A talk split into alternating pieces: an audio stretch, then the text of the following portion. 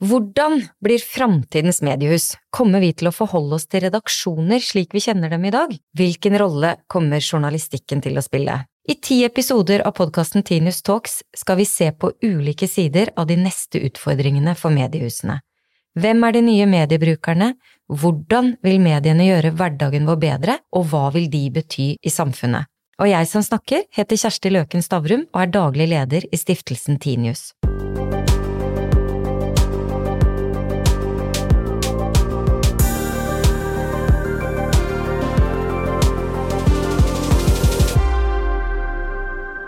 Ivar Sten Johnsen, velkommen hit, altså. Du er fagdirektør i Nordic Screens, som eh, jobber med og for mediebrukere under 30 år. Og det er jo en ekstremt attraktiv målgruppe. Jeg tror alle medier er ute etter den målgruppa, egentlig. Eh, det store spørsmålet her er hvordan er de unge mediebrukerne, Ivar? De er eh, som oss. Eh, de er nysgjerrige, de er opptatt av det som er eh, nær dem, de er opptatt av det som skjer, som er viktig for dem. Mange av dem har i hvert fall det, hvis du går ned i, i, den yngre gruppen, har, har, jo dårlig råd. Jeg har jo folk som er, er, barn, ungdom og under utdanning. Eh, så når det gjelder å abonnere på og betale seg inn forbi betalingsmurer i nyhetsmedier, så er jo ikke det den gruppen som Det er ikke akkurat stokk øverst på lista.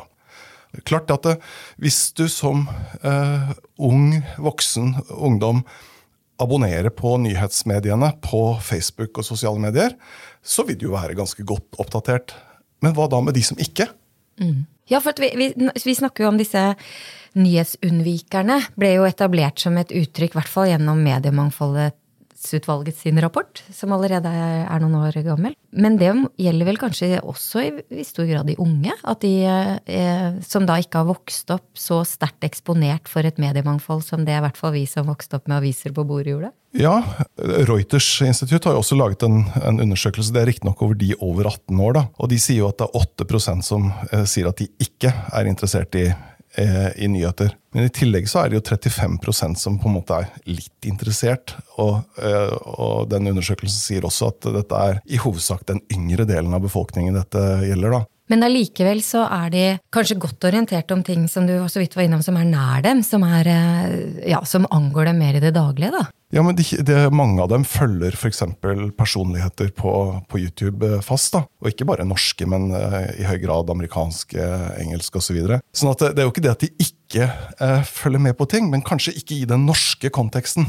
Og når man ikke jevnlig har dryppet av aktualitet fra en norsk virkelighet, så ender du kanskje med å ikke helt skjønne hvordan domstolssystemet fungerer, eller hvordan det politiske systemet fungerer, eller hvilke selskaper som er, driver næringsvirksomhet i, i Norge osv. Så, videre. så blir man en verdensborger, og du blir oppdatert på din nisje, din ekkokammer, er det noen som kaller det.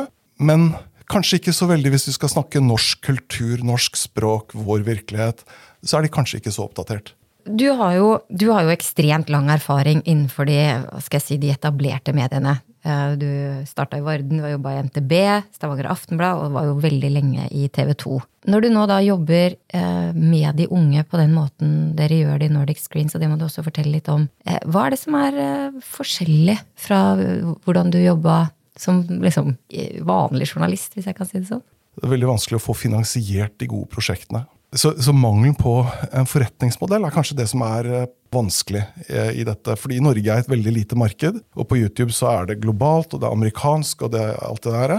Er YouTube helt nødvendig eh, plattform for å nå eh, mediebrukere under 30 år? Det er et veldig godt spørsmål, fordi jeg har inntrykk av at den norske mediedebatten eh, veldig mye har det premisset at vi må få vekk YouTube og få vekk Google og Facebook.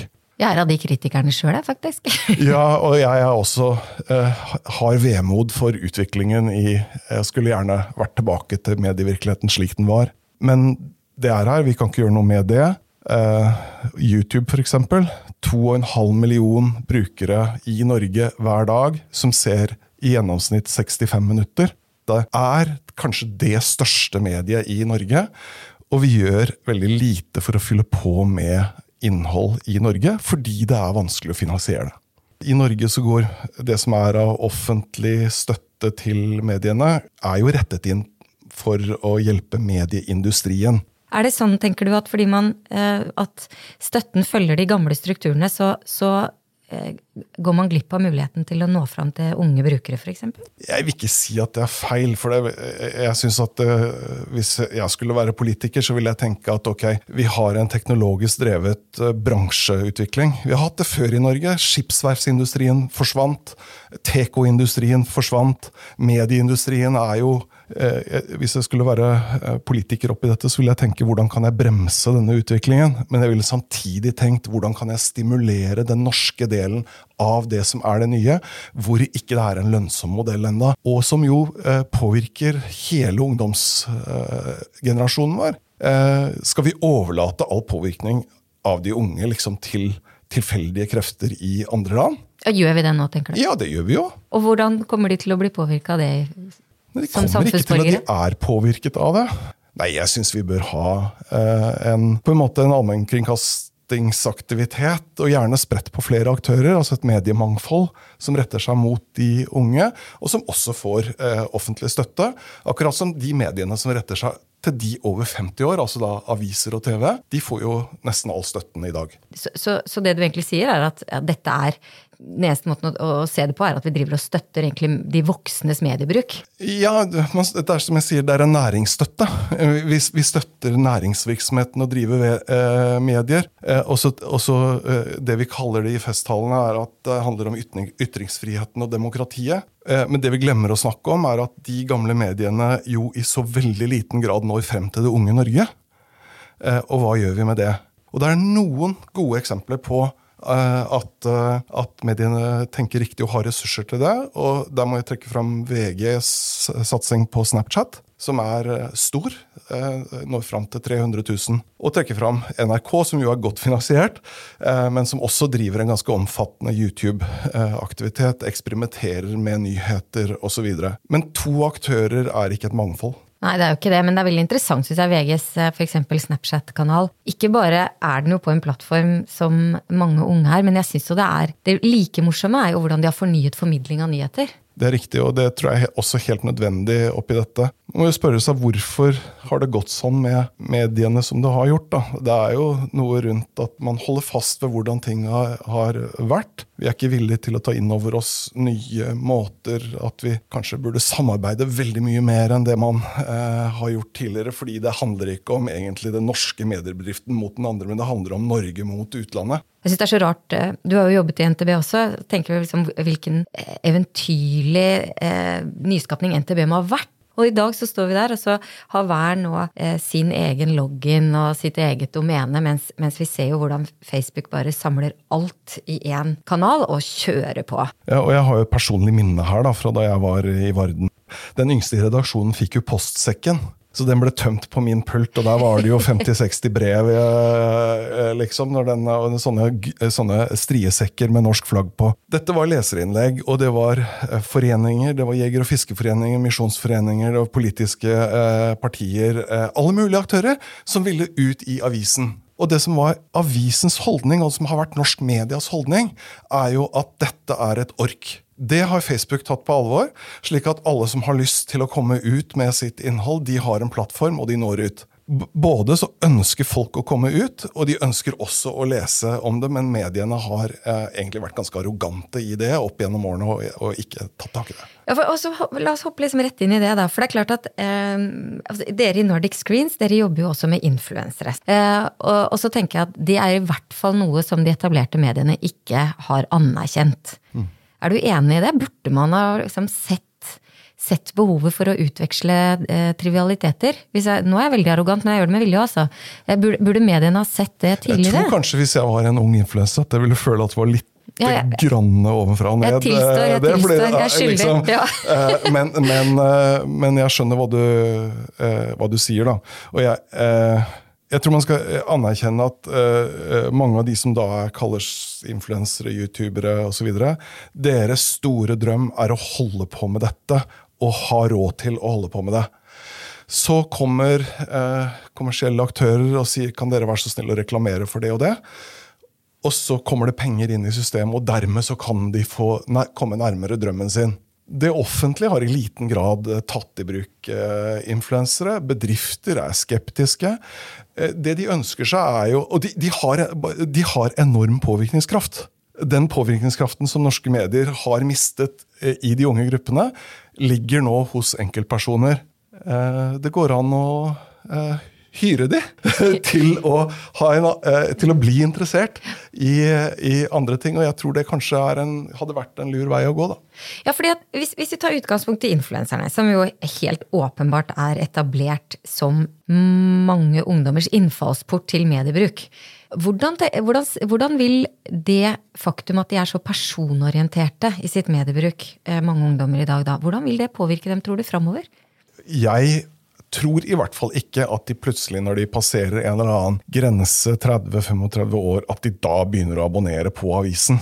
Liksom, det tror jeg ikke. Har, da har de dannet seg vaner. Og de vanene handler om å være på YouTube og eh, Instagram og TikTok og alle disse plattformene. Eh, og Facebook også. Og de kommer ikke til å falle inn i folden. Jeg, jeg tror det mediebransjen må gjøre, er å nærme seg dem. Vi må, vi må begynne å, tenke som dem og tilpasse våre produkter eh, til dem for å ha en sjanse til å lykkes. Og, og, ikke minst trekke dem med i innholdsskapingen. Hvordan kan vi tenke som dem? Jo, de fleste har jo ungdom eh, og unge mennesker i sin eh, krets.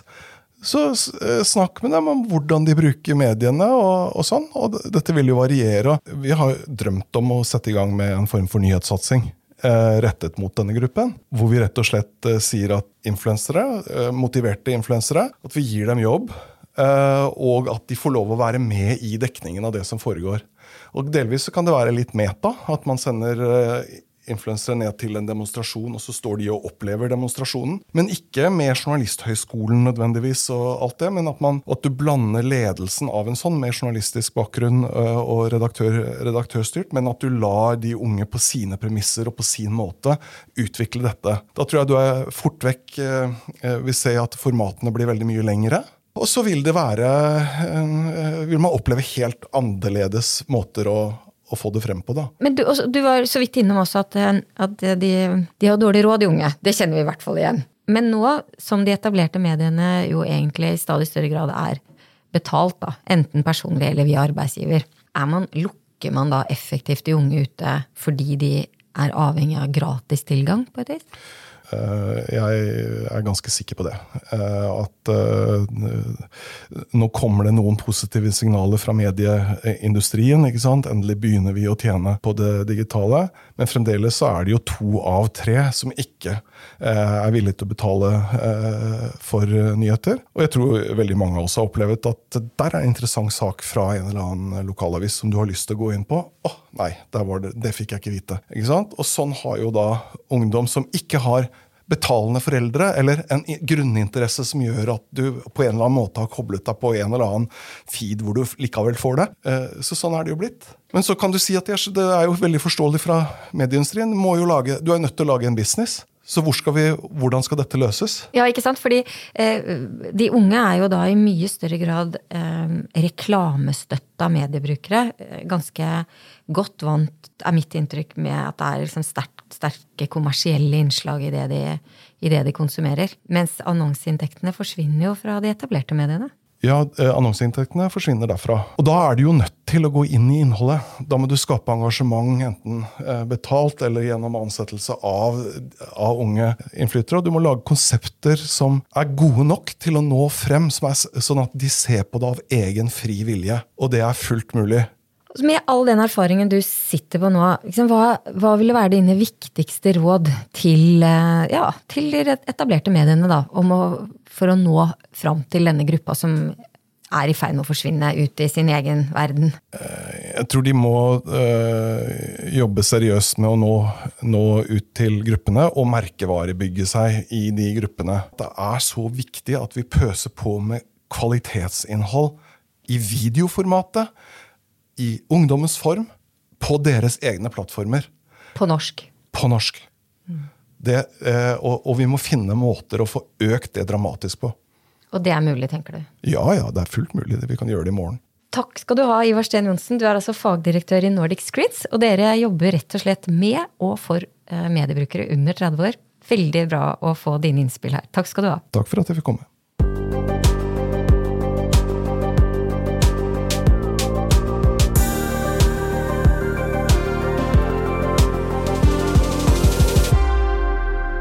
Denne podkasten er produsert av Hansine Korslien for stiftelsen Tinius.